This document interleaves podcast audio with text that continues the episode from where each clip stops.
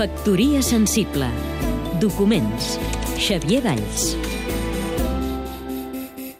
El primer que em ve al cap al pensar en Xavier és que ha estat únic. Leopoldo Pomés, fotògraf i amic de Xavier Valls. No estic d'acord amb aquells, aquella frase popular que diu que ningú és insubstituïble. En Xavier Valls és completament irrepetible. La seva obra era i és inconfusible. Podia fer un bodegó amb dos simples peces de fruita i senties i sents, al veure'l, l'emoció que et produeix la gran obra d'art. Però, a més a més de ser un gran pintor amb una obra molt important, en Xavier Valls desprenia una atmosfera personal que ens ha contagiat a tots.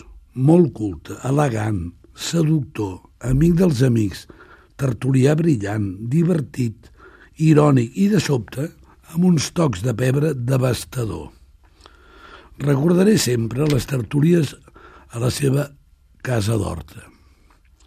Anar a sopar a Casa dels Valls ha estat sempre un esdeveniment esperat amb il·lusió.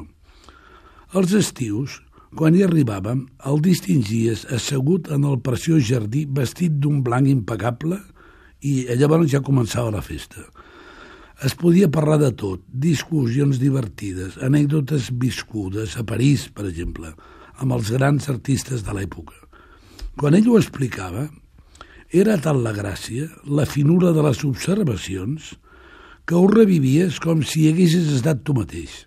I la Luïsa, la seva musa i mare dels seus fills, sempre elegant, i li reia els acudits com si fos la primera vegada.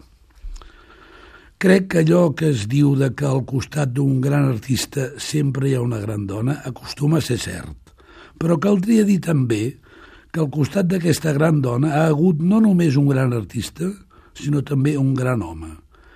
Era tan intensa la relació entre els dos que avui la Lluïsa, la Luïsa, com li agrada amb ella, perquè ella és italiana, la Luïsa continua recreant amb convicció l'atmosfera d'en Xavier i fa que la seva obra segueixi viva. Factoria sensible. Seguim-nos també a catradio.cat.